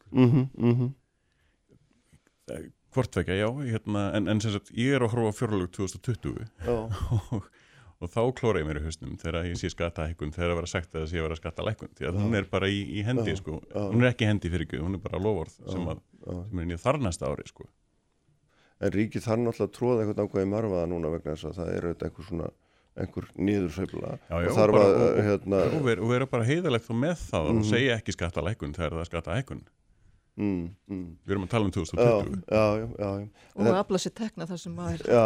hægt að afla tekna Já, já, en ég meina, myndi ekki svona klassisk jafnaðamanna hagfræði, svona kynsismi segja okkur að, hérna, að þetta væri nú svona bara á nokkur réttur róli en það er verið að, að auka ríkisútgjöld á, á svona á tímum þegar að efnahagurinn er heldur að dabrast og, og spýti fjárfestingar á vegum með sofumbera til þess að halda hérna og, og lækka ákveðna tegundra sköttum til þess að, þarna, að halda svona efnahagslífinu þokkalega stöðu. Jú, jú, ef þú bara horfir á þetta algjörlega einangrað þá, þá getur þú sagt það. En, Mhm. en það er ekki réttlæti að skilja toppana eftir og gera síðan aðhalskröfu á velferðarkerfið. Mm og annað sem að ég held að, verði mikið í umræðunni er að við horfum á okkur fátækasta fólk sem að þarf að, að reyða sig á greiðslu tryggingastofnunar. Að það er gert ráð fyrir hækkun upp á 3,5% hjá þeim en legstu launin í landinu hækkun 5,7% fyrsta apríl. Þannig að það er enn verið að, hérna, að breyka bylið á milli, milli þeirra sem að geta valla, lifað af því sem að þeim er ætlað að lifa á mm, og hinna sem að hérna, hafa miklu, miklu meiri en nóg og, og eru í hálfgerðum vanda, vanda með að fjárfæsta hér innanlands með, með hérna, alla peningana sína. mm, Þannig að það eru tvær þjóður í þessu landi og það er verið að íta undir þá þróun og það getur við jafnað en ekki sætt okkur við. mm. Já, við skulum fá svör við þessu frá eitthvað báðum, já. Ég, ég verði að taka aðeins undir Já. þetta því að sko, ég tók uh, baðum þessa gögn undanfærin 20 ár um þessa grein í, í almanntrekkingalöfunum Eina þínu mörg og einföldu fyrirspurnu. hún var bara frekar einföld þessi, það var bara að bera saman sagt, hver, hversu mikið var lofað í hækkun á, á þessum líferi og hversu mikil var sagt, raunhækkurinn sem að átti að rauna með það við. Mhm. þannig að spárnar hafa bara alltaf verið undir raunni raunhækkunni það er einhver- þrjú, þrjú ára eða eitthvað svo sem að, sem að það, það, það, var öðruðsi þannig að það, það munaði einhverjum sko bara 50% á lokum sem að þessi lífeyrir ætti að vera herri heldur en hann er í raun og veru af því að það hefur alltaf verið tikkað af smá prósentur, prósenta hér 2% þar á hverju ári undan fyrir 20 ár. Og það er aldrei með þessi þetta misræmi sem við erum að sjá að, að lögin segja að, að það eigi að vera ákveðið svona hámark og lámark hvernig, hversu mikið að hækka en það er bara gett eftir spám en ekki síðan raun liðrétt eftir árið já, já, já. ef að, ef að launahekkanir eða, eða varlagsbá var rauninni herri heldur en var gert ráð fyrir og það er þessi Rauntölunar safna- eruðu hærri en spáin eftir minna, og, og, og þá hæ, hækkaði lífurinn um minna heldur en hefði átt að gera miða Mm. við, miða við rauntölunar Mhm. og það er aldrei bætt og eftir stendur þessi 50% munur sem við sitjum upp með eftir- Yfir 20 ára tíðanbíl þá eru helmingsmunur á því sem það er og hefði átt að vera. Ertu að segja mér það? 50% þannig að ef, ef, ef, ef, ef það er 100 núna hefði þetta verið 150.000 Já, er það ekki helmingsmunur? ja, það- helmingsmunur líka þá getur það farið í tvöföldun þannig að Já, já, já, ok, skulum- já, ok, ég skil hvað átt við. Já, allt í fína. Viljum, hérna, Já, ég, ég vil nú bara segja það varðandi þessa umröðum það að að einhvers konar e, jafnvægi í, í ríkisfjálmörnum þegar kemur að, að, að því að, að þeirri viðleitni að, Mm. að bæta kjör fólks og í gegnum tekjuskattin og eins og uh, verður að taka mjög, vil ég meina, mjög mikilvæg skref núna í, í, í, í, í að breyta skattkerfun í raun og veru og bæta við, viðbúta þreipið. Það, það ætti nú að hugnast öllum jafnaðamunum og ég held að sko, það, er komin, það er komin mikill munun hér á efsta þrepi og Mm. þessu viðbúta þrepi sem bæti sig ykkur 16% stík já, uh, þannig að það, er- það og, og við erum að tala um, um, um 900 krónur í laun þá þegar útgóðin í efsta þrepið í, í, í 46% rúm mm, Þannig ég held að sé nú verið að stíga mjög mikilvæg skref þar í átt að jöfnuð og, og, og, og, og jöfnuður er óvíða meiri heldur en hér á Íslandi og það veit Odni. Ég, síðan eru varðandi, varðandi lífeyriskreislur og örgumálum þá er þetta auðvitað, allir ekki að svara fyrir það hvernig þessi þróun hefur verið í, í þessari 60.900 grein sko, og, og, og, og framkantinu þar. Það er hins vegar vinna í velferðarraðundinu til þess að bæta kjör uh, þessara hópa og, og hérna afnema krónum í krónu og, Mm. og svona breyta þessu kerfi heilstætt þannig að við getum bætt kjör þessara hópa. Það, það er vinna í gangi við, og það er vilji okkar allar já, já, en þetta hefur bara, maður bara heyrt svo oft, sko, og svona í nokkur ár núna einmitt, hérna, það er vilja allra og það er vinna í gangi og, og svo tefst þetta æfinlega einhverja hluta vegna en, en hún er líka raunveruleg Já, já, ég er halda höfum fram að á raunveruleg. Já, Já, já, Vatni, hvað segir þú? Já, ég vildi hérna- bara skjóta inn í að því að Viljum talar um, um hérna, að, að þetta sé mjög mikilvægt skref að, að spæta inn þessu þrepi og ég get alveg tekið undir það. En það er hins vegar ekki þannig að það séu þeir sem að þurfa að reyða sig á, á greiðslur uh, tryggingastofnunar sem að fá flesta krónurnar og mesta ávinningin af þessari breytingu. Það eru þeir sem eru konum með 325.000 krónur Mhm. sem að fá, fá hæstu krónutöluna og ég held að, að þegar að fjárlega nefnd verð nú að leggjast yfir þetta og ég tala nú ekki um verkalýsfélagin þá munir þú komast að því að það eru, það eru þeir sem eru með miljón sem að fá fleiri krónur í veskið heldur en þeir sem eru með 325.000 krónur. Mhm.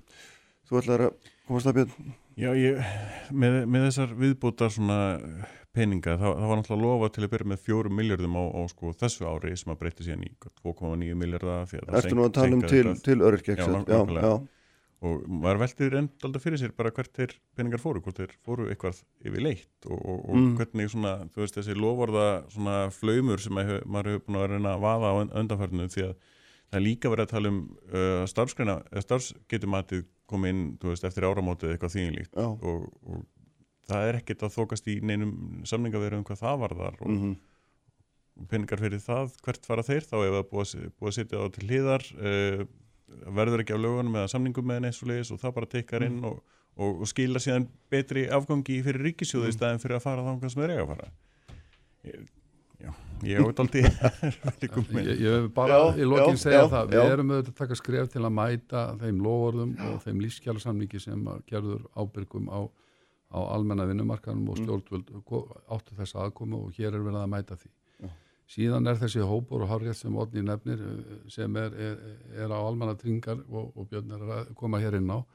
Við höfum þegar samþygt skrefi áttina því að afnema krónu á móti krónu að hluta til það er verið að taka helstætt á þessum málum, svo vinna er í gangi og við tökum frekari skref, það er búið að erðnamerkja þetta fjármunum og við verðum, ég bara tek undir það, við verðum sannlega að ná, ná sterkari og meiri skrefum í þá átt. Eh, Bara hérna, eitt orð í lokin frá okkur öllum, er þetta gott fjárlega frumvarp? Björn þú byrjar. ekki, ekki frá mínum bæðir en síðan, það vantar allt gagsa í það, ég finn mismunandi tölur um sömu hlutina og bara, bara á þeim forsendum. Þá er, er eitt stór spurningamarki. Nei, Mér finnst þetta bara aflegt fjármálafrumvarp og, og það er mjög gagninvert að velferðin sé ekki varin í niðursveiflunni. Já. En það er ríka fólki sem er varið, bæði í uppsveiflu og niðursveiflu. Ég, ég hlusta á lag hérna eh, sko, á leiðinni að það sem að var hansi sterk laglína sem sagði sko þókast í rétta átt, mm, þókast í áttasátt í það er auðvitað bara vinnan í þessu. já. Ljómandi, þakka ykkur fyrir öllum fyrir að koma. Hérna, Átni, Viljum og Björn Levi. Held hérna áfram eftir augnablik með Guðmundi Haldunum sinni, prófessor í Sækfræði. Takk fyrir. Sprengisandur á bylgjunni. Sprengisandur. Alla sunnudaga á bylgjunni.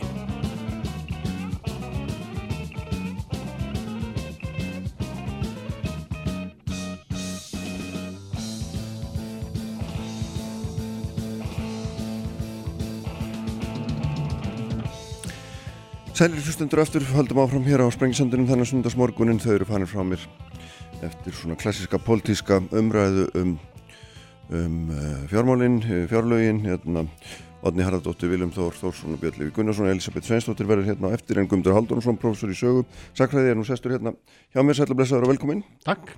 Sko fyrir viku þá var hérna, þá uh, voru 80 ár frá því að það sem við köllum síðari heimstyrjöldurinn, flesti kallan og heimstyrjöld nummið tvö er hún að vera aðra heimstyrjöldina hérna, síðan hún hófst og þetta er auðvitað, ég held að sé nú engum svona blöðum um það að fletta, þetta er nú svona sá atbyrður ef maður getur kallað þessi sex ára atbyrð, þannig að kannski ekki aldrei lægilegt en, en sem hefur skipt lang mestu um mótun okkar heimsmyndar á, Já, já. á síðan tíma og skipt upp heiminum og hérna og eiginlega bara stjórnað öllu hvernig við hugsaum um hverjum við erum í liði og svo framvegs, ég minn er það ekki það, er ekkit ofmætt að segja það. Jó, við getum sumleitum að segja sko, að þetta hafi verið svona eiginlega einn samfeld heimstyrjöld frá 1914 til 1945 að því að síðar heimstyrjöldin er að mörguleiti beint áframhanda þeirri fyrri. Þetta eru sem sagt þá átök í, já svona kjarnin eru, eru átök í Evrópu, síðar heimstyrjöldin verða síðan eftir auðvitað, síðar heimstyrjöldin er önnulega heimstyrjöld, hún breyðist út um meir starfstæðluta heimsins Já. með styrjöldum bæði í Asíu, Afriku og, og, og, og í Evrópu. En, en þetta er svona, við getum kannski sagt að fyrirluta 2000 aldarinnar er eh, tímabil, eitt samfell tímabil eh, átaka í, í Evrópu og víðar. Mm. Og þetta náttúrulega svona hefur sko, hérna, já þetta er svona stýrt í mikið hvernig hugsa og ég var að hugsa það þegar sko þegar Mike Pence og ég minnist nú á hann enn einsinni þegar hann kom hérna, þetta hann var svolítið svona eins og draugur úr þessari sögu, þessari kaldastir í sögu aftur. Já, já. Hún er veginn að kvikna á nýjanleika, það er, eh, ég veit ekki, hvað finnst þér? Það er auðvitað, þetta er svona, við lífum á svolítið skrítnum tímum sko, að við lítum á, á, á, á þessa heimsókn, að hún, hún var auðvitað augljóslega, var svona, hvað maður segja, tónnin að bakvið, það var sá að bandarkin eru svona að treysta sín heit við, við eh, bandamenn mm. hér í, í Norður Allandsæmi. Það var auðvitað mjög stert samband á milli Íslands og bandarkjana á, á öll kaldastíðsárin vegna þess að, að Ísland skipti verulega miklu máli fyrir, fyrir svona hernaði sín bandarækjana alveg frá, alveg frá því uh, þeir fari heimstyrja uh, stíga inn í inn á svið heimstyrjaldarinnar 1941 þeir, þeir eru komni til Íslands áður en þeir raunverulega gerast formlegir í styrjöldinni. Já, já. Eh, öll kaldastíðsárin er, er Ísland alveg gríðarlega mikilvægt sem svona annar hliðstólpin í, í þessu norður allanshafs hliði sem var á milli Íslands og og Bretlandsæja þar sem að bandarækjuminn fyldust með þeim fer, svona, ferðum e, og reyfingum sovjerska flotans og, og flugvila. Núna er komin ný vittin í þetta eh, sem er þá, þá norðurskvöldið og, og, hérna, og þau mál öll sömul þar sem að, að og það er svona virist vera þar sem að, að Pence hafði í huga þegar hann kom. Já, einmitt. En sko, hérna, svona maður aðeins, sko, lætur hugan reikamönda, þá, þá, hérna, skipti, sko, eða, eða styrjöldin sjálf og síðan að, svona, næsta ára eftir hún skipti okkur í þessar fylkingar, miklu fylkingar sem að raun og veru, sko, veist, hún, þetta var spurning um efnaðarskerfi, þetta var spurning um menningarsamskipti, þetta var spurning um uppgíkingu innvið, þú veist, það var í grunninn allt undir þarna Já, já. og það er ekkert svona, ég, maður, fer, maður getur eiginlega alltaf þegar maður fyrir að hugsa tilbaka, raki sig einhvern veginn á þennan punkt. Já, það má segja sem sagt að já, Sovjetrikinn og Bandaríkinn voru jú, voru jú uh, já, félagar í, í síðari heimstyrjaldinni Mm. en, en, en Bandaríkinn er þegar byrjar að undirbúa sig undir, undir þessi svona átök sem þeir sjá fyrir sér eftir styrjaldina. Uh, já, strax áður en að stríðinu líkur og, og eru fannir að bera víunar í Íslendinga um það að fá að vera hér áfram. Þannig að, að eh, og það sem sagt síðari heimstyrjaldin má segja að, að hún svona markið þá upp af þess að að bandarækinn fari virkilega að skipta sér af e, heimsmálum í að sérstaklega Evrópumálum sem Mm. mm. hefur svona, þeir voru dregnir svona frekar nöðjur inn í, inn í fyrir heimstöldina og, og um leið og henni líkur að þá draga sér aftur sér tilbaka, þannig mjög, mjög sterk svona öfl í bandarækinu sem að einangrunni hyggju og, og til bandarækinu við svona hátt stopnuð í kringum það að vera ekkert að skipta sér að þessari vittlesu sem er að gerast í Evrópu. Mm. eftir síðar heimstöld og þá hins vegar stíga þeir eru þetta fast inn í þetta og, og þá svona þeir sjáðu þetta vissuleiti svona sem uh, alheim svona, svona, svona glóbal uh, átök á milli, milli þá Sovjetríkjana og, og, og þeirrar hugmyndafræði sem þau stóðu fyrir og, og sinnar hugmyndafræði sem að, sem að síðan endar uh, með sigri bandaríkjana Mm. uh, í lok uh, nýjönda áratögar síðust aldar. Já, og það sem að var svona þetta, sko, þessi klassiska orðræða, þetta var bara að fyrir líðræði og viðskiptafrelsi og, og svona opnum viðskiptum og samskiptum og svo framvegis og það sem er alveg svona merkilegt núna eftir að því að nú eru líka hérna akkurat, hvað er það mörg 30 ár frá því að múrin fjall Já, já. að hérna, að þá er svona er, þá er eitthvað að snúast upp á þetta líka Já, við erum þetta búin við þar einkynlu aðstæði núna að, í bandrækjanum er, er fórseti bandrækjanum sem er núna eh, er sem sagt fyrir korsin kjörin sem fórsti Mm. republikanaflokksins að hann rekur stefnu sem er algjörlega á skjön við það sem hefur verið svona eh, hvað maður segja, svona líkil stefna republikanaflokksins og þetta þegar að, þegar að eh, Pence kemur hérna og talar eh, ég, ég virðist vera þá mjög mikið með rússa og þeirra svona eh, þeirra útþenslu á Mm. norðurslóðum, nor, norðurslóðum svona, eh, með það í huga en, en að meðan er, er, er semst fórsti bandarík og þetta er svona republikana, er mjög ofal í huga bandaríkana, bandaríkana sérstaklega republikana að hefur alltaf tíð verið að, Mm. að svona og en, en, eh, en á meðan er semst fórsti bandaríkana talar um, um Putin svona sem ég kannski ekki sín vinn en að miskusti trúir hann honum Já. betur heldur en heldur en heldur því sem fórstumennum eh, vestarinnar ríkja í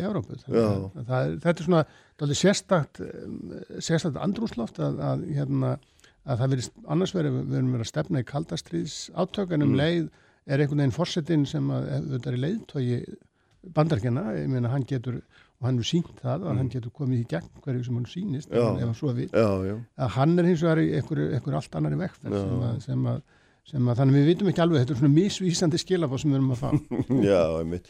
Og það er svona líka að maður velti þessu fyrir sér hérna og uh, líka í samhengi við þessar heimsóknir bæði Pems og Pompi og, og hérna og svona uh, þessar, þessar strategíu allar sem að hérna er í gangi sko, þú veist, hvað, hvað, hvað þetta er okkar bandamenn sko, en hvað þýðir orðið bandamaður og, og hvenar er maður góðu bandamaður og ekki? Já, já, það, þetta sést nú vel í, í samband við þá afstöðu bandarækjana til, til, til Brexit og Evrópusambandsins. mm.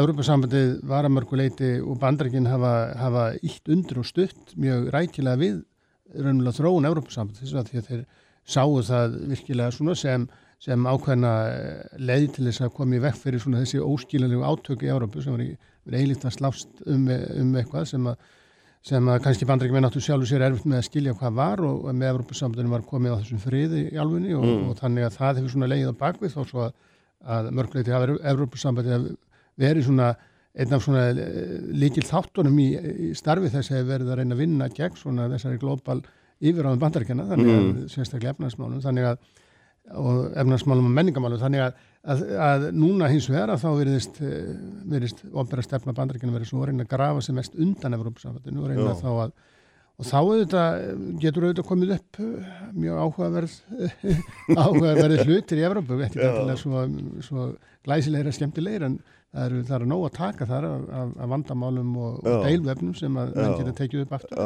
var látið já. líka millir hluta í síðust áratuginu Já. En sko, eh, já, einmitt og, og svona það sem er líka áhugavert í þessu samingi finnst mér er, er að sko við höfum, við höfum svona upplifað eitthvað tíma þar sem að svona megin þorri fólks hefur verið sammála um þessa alþjóðavæðingu Mm. og svona kannski að daldið að svona má út mörg Já, þjóðríkisins eh, hérna, fækka landamærum, Mm. opna samskipti, hleypa fólki fram og tilbaka og svo framvegis og þetta er svona eh, þetta er líka einhvern veginn á, á Já, daldum krosskátu núna er það ekki aftur þessi svona þessi konsensus eða þessi, þessi sameiginlega skoðum fólks um að þetta sé rétta Jú, jú, það, það er alveg, það er líkur á bakvið auðvitað alla þessa svona, þessa populísku uh, flokka sem að, sem að leggja mjög ríka áherslu á, á fulleldi þjóðarinnar, þetta er auðvitað það sem að, sem að líkur á bakvið Brexit til dæmis og, og, og við sáum þetta mjög ákaft núna í baratónu gegn orkubakkanum, ég meina það, er- það, er- þetta eru, eru strísbumbunar sem enn berja. mm. E, Þetta er auðvitað, eh, það er kannski að vissináttu erum við að snúa þá aftur til 1918 að, að, að hérna, þess ástand sem að ríkti þegar, þegar fyrir heimstyrildin laug og eins og ég segi, sko, það er ímis vandamál sem eftir að sem eru, eru ennþá mm. það er mjög áhugavert til dæmis sem maður e, situr og hlustar á, á sko segja ungverar að þeir eru ennþá, ennþá ekki búin að fyrirgefa samningana sem voru gerðir eftir, eftir fyrir heimstyrjöld þannig að, Mm. að þeir eru alveg það er ímsið þar sem eru alveg tilbúinir að, að, að taka þá þræði upp aftur að, hérna, og, og ég held að það sem er mjög, mjög víða í Evrópu þannig að, að við getum sagt að eftir 1945 og það er líkur að bakvið stofna Evrópusaminsins er þetta að, að það, þá frakkar og þjóðverjar ákveða aldrei aftur, nú skulum við reyna að hætta já, þessu já, já.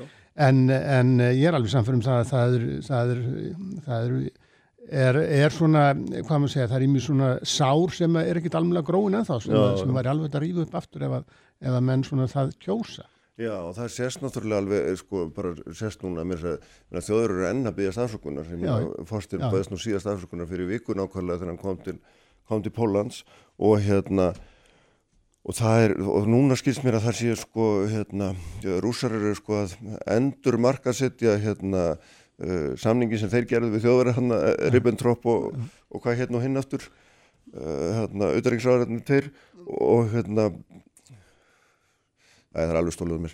Heyrðu, en, en að því að hann hefur alltaf verið talin svo mikið neysa, svo samningu þið gerðu opna hlýja sín á milli, en núna er hann talin hérna, snildaleg diplomasi á hálfu rússa, þannig að þeir eru að, að breyta sögun eða endurskrifa söguna hvað þetta var það, sko. Já, þetta var auðvitað svo lína sem að, sem að, sem að Hérna ekki Molotov, var ekki það? Molotov, Já, já. Að þeir hérna, svo lína sem að hérna, sem að var auðvitað reikin á Íslandi Mm.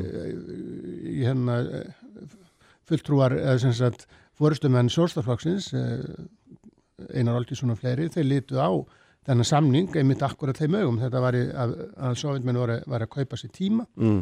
og, og þeir hefðu til þess að geta voppbúist en, en, eh, en um, já, ég er ekki sem að finnar og pólver að lítið þannig málinn þannig að, og það er vissulega þessi innrás inn í Póland gerist í skjóli þess samnings. Já, að, að, já, að, það má segja og mörguleiti þá, þá er sem sagt, það sem að gerist haustið eh, 2000 eh, 1939 er að vissuleiti svona áframhald pólitíkur frá sko átjöndöldinni þegar, Mm. þegar rússar og, og, og, eh, og prússar og, og, og hafsborgara voru að skipta upp Pólandi svona Já, já, sína milli að, að, hérna, að eh, þessi stórveldi sem að, sem að svona haf, umlíkja Póland Mm. eh, hafa löngum séð það bara sem já, sitt að þeir hafi fullt leifi til þess að, að hérna, fara með þetta landsveið eins og þeim sýnist og, það hefur síðan aftur ítt undir mjög svona eh, sterka þjóðarniskend í Pólandi og, ákveðna ákveðna svona andúð og varúð gagvart eh, sínum nákvæðan. Já, og mikla hreinsanir líka innanlands bæði hérna orðu og borði gagvart þeim sem taldnir eru að hafa hérna unnið með öðrum konum Já, þessum, þessum innrásar, eða einhverju þessar innrásar þjóða. Já, þetta er eins og segir, sko, það er, Evrópa er fló, flókin suðupottur og, og það hefur verið svona ákveðið lók sett á hann. Já, E, það er ákveðin spenna, samt sem aður þannig Mm. mm. og það er mjög auðvöld að sjá hana og eins, og segi, það hefur verið meðvitu stefna mjög lengi já, síðustu ára tíuna innan, innan Evrópusamband þess að reyna þá að, að vinna gegn þessu með, með markvíslegum hætti, við sjáum til dæmis bara nú ferðast fólk e, frjálst á milli landa, Mm. það eru búa 20.000 pólver á Íslandi já, já. í, í, í í skjóli þessa, þessa samstarfs e, þannig að þetta er kannski erfiðara en áður að, að línunar ekki eins reynar en, en, en það eru margar þeim spurningum Mm. sem að sem að, og eru sjálfsögur óleysanlegar eins og, eins og deilunar á milli frakka og þjóðverða, það er ekki þetta að leysa þessar deilur, þannig að þeir ákveða bara að hættum til þessu-. Já, hættum þessu bara en, já, já. en það eru hins vegar held ég margar aðra deilur og, og það er sérstaklega held að þetta sé erfitt í Östur-Európu þar sem að það sem er lendi í kaldastriðinum, mm. hínum megin við múrin og hínum megin við víglínunar vegna þess að, að sovjetmenn þjóðverðar gengu í gegnum svona eh, sjálfshreinsun sem að, og þessi, þetta, hérna, þessi afsökunna beðinni fórseta Þískaland núna um daginn að hún er liður í því að, að, að, stjórnvöldi Þískalandi eftir sér, Vestuðskalandi eftir sér heimsturöld einfallega sögðu við vorum seg og, og hérna við ætlum ekki að gera þetta aftur. Mm. Austuð Þískalandi sámenn sér frekar sem, sem fornalum, þess að þar eru rótaklingar að, og kommunistar sem er á völdunum og þeir hefur offsóttir af, af, af Hitler. Þannig að mörguleiti sáu þeir sig ekki sem svona, þeir sáu sig sem fornalum mm. nazista og það, og það má segja að þetta gildi mjög víða í, í Östur-Európa þannig að þessi svona þessi svona tilrun til þess að reynsa sig af þessum fasisma millistísárunu sem mm. var útbreytur ekki bara í Þískalandi Nei, nei, nákvæmlega. öllum þessum löndum Já, var, já. voru mjög sterkar fasiska reyfingar Já, miklu sterkar en maður ímyndaði sér því það hefur oft verið talamynda sem svona bara staðbundi fyrirbreyðan, það var það nei, nei, nei. og þessi svona sjálfsreinsun hefur ekki átt sér stað og hún er að gjósa upp núna þannig þessa, þessi svona populismi, populismi sem við sáum, hann, hann er, er mjög blandað menn eins og, eins og segja Boris Johnson og, og, og Trump spretta ekki úr þessum, þessum nazíska, fasíska bakgrunni það, Nei. það eru þessar eh, en hins vegar mjög víða í Östuraröfu er það alveg augljóst er, er, þetta, er þetta skýringin á því að svona, uh, hvað maður að segja, svona, já, hvernig kallaða svona líðræði hefur áttaldi svona, eða hefur verið, minnst ekki gengið jafn greiðlega í Austur-Európa eins og menn einhvern veginn sá fyrir sér 1989 þá myndi bara Austur-Európa opnast og hún yrði bara Já. fljótt aftur eins og hérna menn hefði, hún ætti að vera en það hefur síðan alls ekki gerst. Nei, það er, það er þetta tventana sem gerist, annars verður það að það er auðvitað allt aðra sögulega forsendur þar, er í vestur, vestur Evrópu þar er, er þetta svona má segja, eða samfelt líðræði stróun sem hefst á 19. öldinu og, og heldur bara áfram beinlinis gegnum allar þessar hemmingar 20. aldarinnar og, og, og, og fram til dagsins í dag. Í austurlutanum var víða, var líðræði alltaf mjög brottætt og, og náð, hafði aldrei náð neðið sérstakri fótfestu og síðan kemur þetta tímabil sem að er hérna eh, með hérna e, kaldastísins þar sem að þeir, þessi löndur undir hrammi Sovjetríkina sem að þannig að þessi svona líðræði stróun hefur ekki við stað. Svo er hitt sem er að gerast og, og sem að hefur einhvern veginn ekki tekist nógu vel með er það, og það er þessi gríðalegi mismunur að, að menn töldu einhvern veginn að, að með falli múrsins myndi, myndi þetta svona jafnast já. milli austurs og vesturs mjög hratt. Það hefur ekki gerst. Það er, það er, það er ríkir mjög mikið vantraust viðast hvar í Östur-Evrópu til gagva stjórnvöldum, það er mikil spilling, það er mikil fátækt, það er mikil mismunur Mm. og það er síðan auðvitað alveg gríðalegu efnarslegur mismunur á milli Östur-Evrópu og Vestur-Evrópu og þetta skapar uh, augljóslega spennu á milli, milli þessar, heims, eh, þessar hluta álfur Mm. Og þetta er eitt af því sem Evrópusambandi ætlaði sér að reyna að vinna gegn en hefur ekkit almennilega tekist og, Mm. og, og kannski erfitt að ætla til þess en, Mm. en þarna hefur, hefur og þannig að það er mjög margir það er engin tilvílun að, að hér eru eins og segi 20.000 pólveri að vinna einfallega vegna þess að launin eru mun skári hér og lífskjörin mjög betri hér heldur en hjá þeim og þetta er, er aldrei mjög heilbreytt þegar að í svona í samstarfi þegar að, þegar að hérna já, stórum hópu manna finnst þeir ekki bara að vera efnarslega undirsettur, er líka menningarlega og einhvern veginn, einhvern veginn verið lítið nýður á sig og, og þeir, þeir geta ekki leift sér þá hluti sem þeir sjá að fólk í vestur leifir sér, þannig að, að þetta, er, þetta er, er, er líka einn af þessum, já hvað maður segja suðupottum og, og, og sem að sem að getur vel sprungið einhverna sem er. Þannig að þessi, þessi, hérna, þessi, þessi físiski múr, hann var rifið niður en, en hinn andlið, hann kannski er, Nei, hann er sterkari heldur, en, heldur en hinn sko. maður sér þetta í Þýskalandi, þú sér þetta bara í kostningaþáttu Já, og hvernig, hvernig það Eh, Alternatífa fyrir, fyrir Deutschland er, er, er miklu sterkar í östur Já, já, já, já. nestur Þískland heldur en í vestur og unnu vann mikla sigra núna bara fyrir já. viku eða tveimur og það er verið að vinna með þetta og það er þetta auðvitað sem að Trump er að, er að vinna með líka Trump er að spurja, eins og ég segi oft er að spurja spurningar sem eru mikilvægar sem eru þá þetta, þessi global efnarslýð sem við Já. búum við það, það skapar e, nýjar línur e, sem sagt misréttis og, og, e, og það eru stóri hlutar í bandaríkjana það sem að efnarslýfur er í mikil krepp mm. og það fólk er auðvitað mjög óanætt það hefur ekki séð, séð þessa, þessa, hérna, þessa velmögum sem að, sem að sést annar stað þannig að, og þetta er þannig að á þessu uh, lifir populismi mjög mikið. Heyrðum, takk fyrir að koma Guðmundur.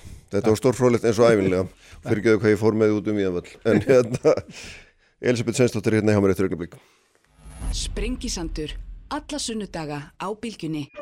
Sprengisandur, alla sunnudaga á bylgjunni. Sæli hlustendur, þá erum við hér á lokasprettinum og sprengisendurum þennan sundarsmorgunni Guðmundur Halldórsson, prófessor, farin frá mér eftir, eftir gríðalega fróðlega og hérna yggrusmikla yfirferði yfir síðustu 80 ári sögun eða svo, það er nú ekki heiklum henda hérna og ekki aðra mann að færi að, að, að hérna, gera þetta með, með þessum hætti eins og Guðmundur gerði, en hérna ég ætla alveg að skipta um kurs núna, hér er Elisabeth Sveinsdóttir komin til mín, sælblessu og velkomin.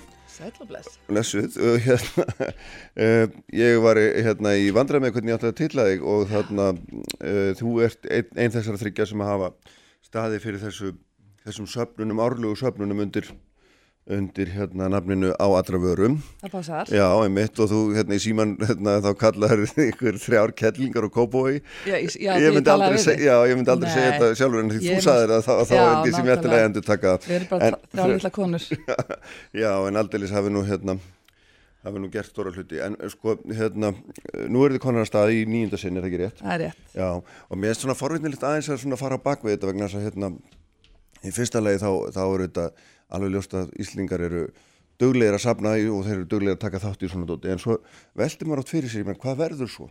Hvað gerist? Hvað verður svo um, um, um, peningana og, já, og Já. hvað verður um verkefnin og þú veist, eru öllum peningunum eitt bara fyrsta ári og svo bara lafminni burt Já, og nákvæmlega. segja æj, æj, eða hva, hvernig svona, hver er reynslan? Nei, sko, út frá bara, ég get bara að tala út frá Já, okkur já, og já, við hefum lagt uh, mikla áherslu á það að það verði mitt eitthvað áþreifanlegt eftir. Mhm. Það verði eitthvað, að, fólk er að gefa peninga í söfnuna Já, og það á bara að sjá í hvað hann fer. já, Þannig að við hefum lagt mikla áherslu á það að þetta sé fyrirfram ákveð í hvað við söfnum Mhm. og það fari allt í það. Þetta fer ekki einhvern sjóð eða einhver hít sem verður síðan eitthvað gert við, nei heldur bara nákvæmlega verður, Já. verður það úr sagt, það sem við segjum í upphafi. mm Og við hefum, þú veist, oftast nær sapna fyrir einhver áþreifarlegu, það er Já. ekki þannig áreindar, Nei. nema það, við ætlum að fara með fræðslu í alla skóla, Já, það er að segja eitt líf ætlar að þegar þeir fá fjármunna, Já. ætlar þeir að stipuleikja sitt starf út frá því. Já, og það kostar auðvitað peninga að, Já. að uppfræða alla grunnskólinni með já, já, þennan já, hóp sem að já, það já, rásalda já, þannig að hann fyrir það. Já og það er hérna, og þannig að þið eru það búnar að því áður en þið byrjið eitthvað veginn að finna alveg nákvæmlega farvegin sem að Já, svona nokkurt veginn. Já. hérna, allra vörum er þannig fyrirbæri að við söpnum í ákveðin tíma og, og eins og þetta er svona oftast nær tvær vikur þegar við seljum varasettin síðan eru opið 900 númer hjá okkur og svo verður svona sjónvastáttur á rúf þar sem svona umræðin er tekin og svona kýlt í gegn. Og síðan stílum við fjármönnum já, til málefnisins og þar með erum við bara Og búin það- að reynsa okkar borð, svo að segja. Já, þið komið ekkert náldur eftir það? Nei, Nei, ekki ná bara svona andliðu stuðningur já, og akkurat. pepp. Já, akkurat, nákvæmlega. En er, nú er mörg að þessu verkefni og því ég var að fara yfir þetta sko, ma- margt að sinna nánast kannski bara allt, ég veit ekki kannski alveg allt en, en svona mjög margt, er svo þetta eitthvað sem maður segir veitu, af hverju hérna, þarf að sapna sérstaklega fyrir þessu?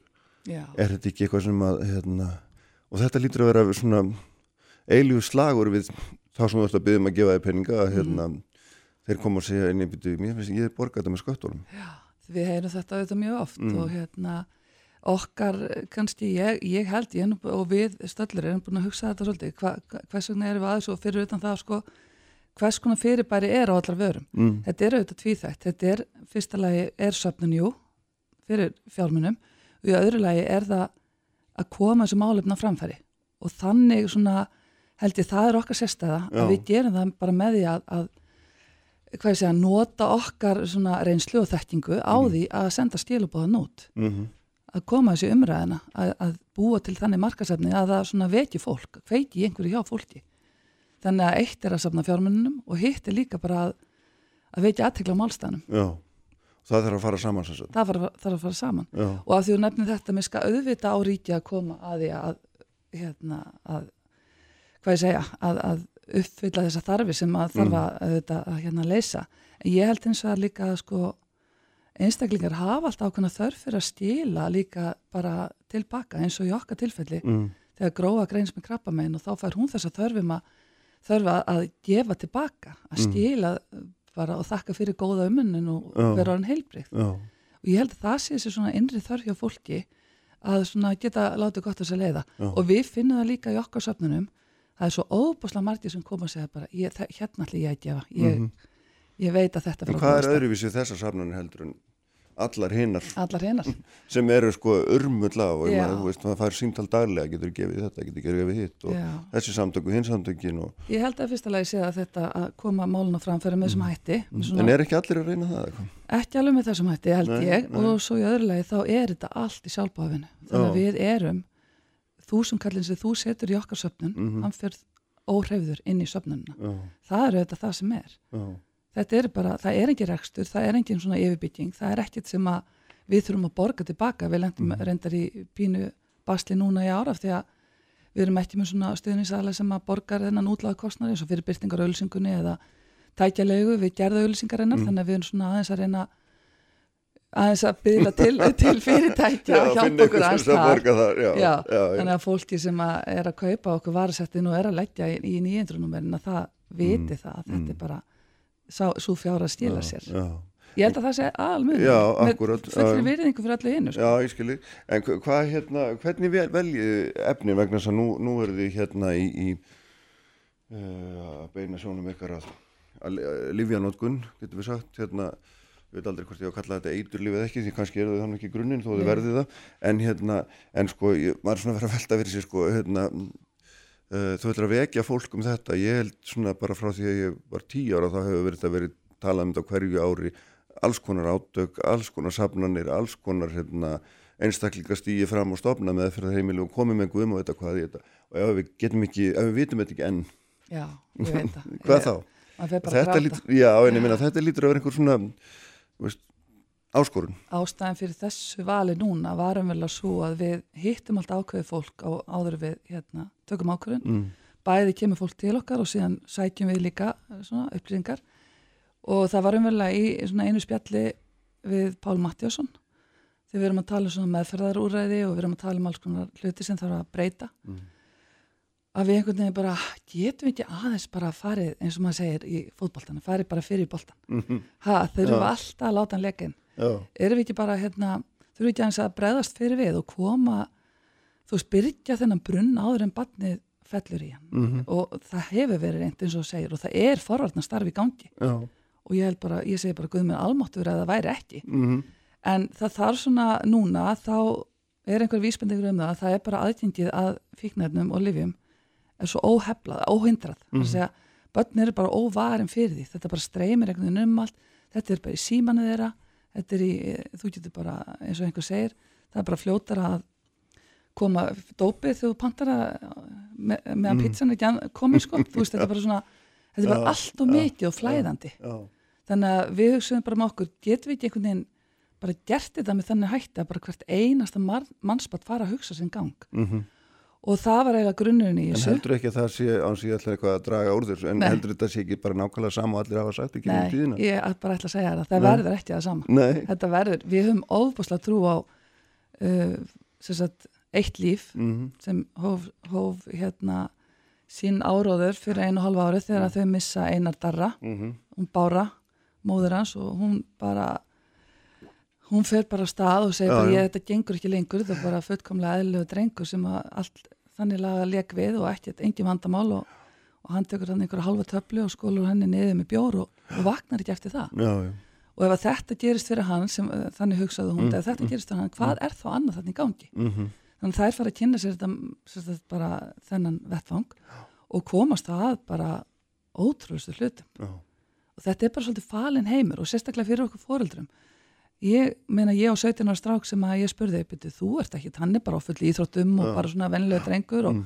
gengur bara vel uh, og hann segir bara, mamma, jú, þetta er bara veist, það er verið að sækja í þig og þau eru ekkert að koma það heim Nei, nei. endilega. Þannig að við erum svolítið líka með þessari herferð, ekki bara að búa til einhverju auglýsingu sem mm. að veitja okkur, við erum líka mitt núna er ég að spjalla við þig um þetta og við erum að breiða út þennan bóðskap með þeim hætti að segja við fóreldra viljið plís fara að vakna Mhm. viljið bara fara að tala saman, tala Mhm. við börnin ykkar, Mhm. spyrja þau Mm. uh, við vorum með fræðslufundi í gæri smárabjói hann var ætlaði fóreldrum Já, þar sem eitt líf var svona að fara í gegnum sitt fræðsluprógram já. eins og þeir gera í, í skólanum Mhm. það var, það var grátlega fáir grátlega fáir fóreldrar sem mættu Já. og þetta er þeirra eh, sagt, reynsla, Mm. þau farin í skólana krakkanir hlusta, Já. þau hlusta aktofa, Já. það má heyra saumnál þetta þegar þau fara með sitt efni Mhm. svo er fóreldrum búið að koma og það mæta tíu og þetta er bara ekki að ganga upp Og hafa þau hugmynd akkurum? Telur fólk þetta ekki, ekki, koma sér við eða hvað? Eða? það er einhvern veginn, erum við bara ekki svo ótjæslega upptekinn einhvern veginn, öll, skilur Mhm. við erum bara öll í símanum og við erum að skrolla einhvern veginn og, og bara, jú, jú, skólinn bara sér um þetta, Já. kennan tekur þetta bara Já, já, akkurat. er þetta ekki bara eitthvað sem við þurfum að fara að horfast í augu við? Já, það má vel vera, ég svo sem kann ekki að dæmi það sko, en hérna stundu fór ég að hlusta á Magnús Stefánsson, hérna trommuleikara, sem var með svona námskeið í skólum og var mjög góður. Og hérna, en það voru aldrei mjög margir ég mann rétt, en svo sem það nú aðeins eftir, eftir stoflu minni sko, en hérna, en sko það er svona líka áhugavert finnst mér sko að þarna, eins og þú segir, það er svo margir búinir að til dæmis uh, reyna að takast á við þetta mál sérstaklega uh, bæði og það er fullt í gangi að hálfum eins og bara hinga og þangað. Og svo hérna svo kemur einhver og segir nú ætla ég í söfnun og þá hlýtur fólk að segja ég er hérna fyrir Akkurat. vinsanlegast hérna haltu í burtu Já. eða hvað Nei, það er, er það ekki þannig? þær eru, eða þau eru magnu, þau eru að vinna þetta með bara auðmygt, og eru búin að verið mjög nán og góðu samstarfi þá sem hafa verið fyrir. Mm. Þær eru bara svona aðra nálgun á hlutina. Ég held að þetta sé bara eitthvað sem að, hérna, er hægt að vinna saman. Við erum í þessu saman, bara öll sem þjóð. Það er enginn að spila móti, þú veist, bara mismöndi skilabóð og mismö- mismöndi bóðskapur. Þau eru með þessa En það er samt alltaf ágrinningur um aðferðafræði þessu get- og þeir sem já. eru búin að vera lengi eru fagmenn þess að vera fagmenn þeir það er ekki, þetta er svona ekki Alveg og, og geta alveg hatt rétt fyrir sér, skilur alveg örgulega, okkur við svona fundum einhvern veginn einhver, einhver þráð þarna í þessari, þetta er svona grassrott hjá þeim, Já. þau eru þetta á svo óbúslegri innlefun og þau eru Mhm. gera þetta á svo mikill ástriðu Mhm. Og það er eitthvað svona, eitthvað sem við fundum og við bara tókum okkur það bersa leifi að, að hérna við þrjá sérsett, ég gróð okkur inn í að, að velja þetta málefni. Já. Því að við erum náttúrulega að leggja okkur óbúslega vinnu og, og, og þá bara ráðum við hvað við tölum um og tökum.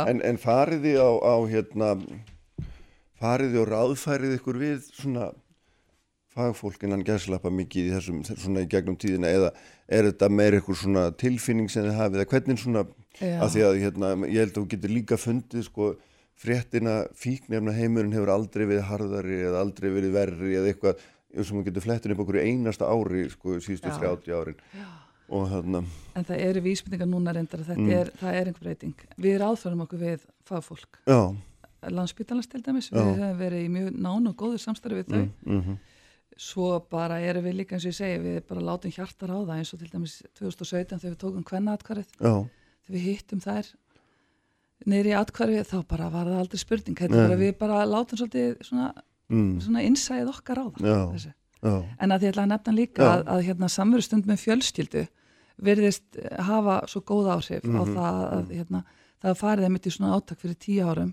undir yfirskriftin saman að með minni að við já, og það vakti miklu aðtegli hvað Ísland náði góðum árangri í þeim efnum. Mhm, og það hefur skilað rosalega miklu. Svo hefum við svona aðeins verið að dala í þeim áróðri. Við erum saman, gerum eitthvað saman þú veist, Mhm. við erum svona fjölskylda. Þannig að bara svo, svona eitt dæmi sem ég komin í því að, að, að hérna, Dominos er með eh, með okkur í þessu núna, ætla Mm. að láta ákveðin hlut af þeirra pítsum renna til söfnarinnar og núna færði með pítsunum sem sagt svona miða fram á kössunum og þú snýrð honum við að þá eru þar punktar um umræðefni sem getur rætt um við yfir pítsunni aha, við krakkana, það er Mhm. oft svona eitthvað sem þarf að svona einhver svona icebreaker sem er oft gott að koma með þú veist, til þess að ræði þessu mál já, já, þannig að við erum bara að reyna að vera sem víðast vera með einhver svona einföld stílabóð sem fólk bara nennir að hlusta á.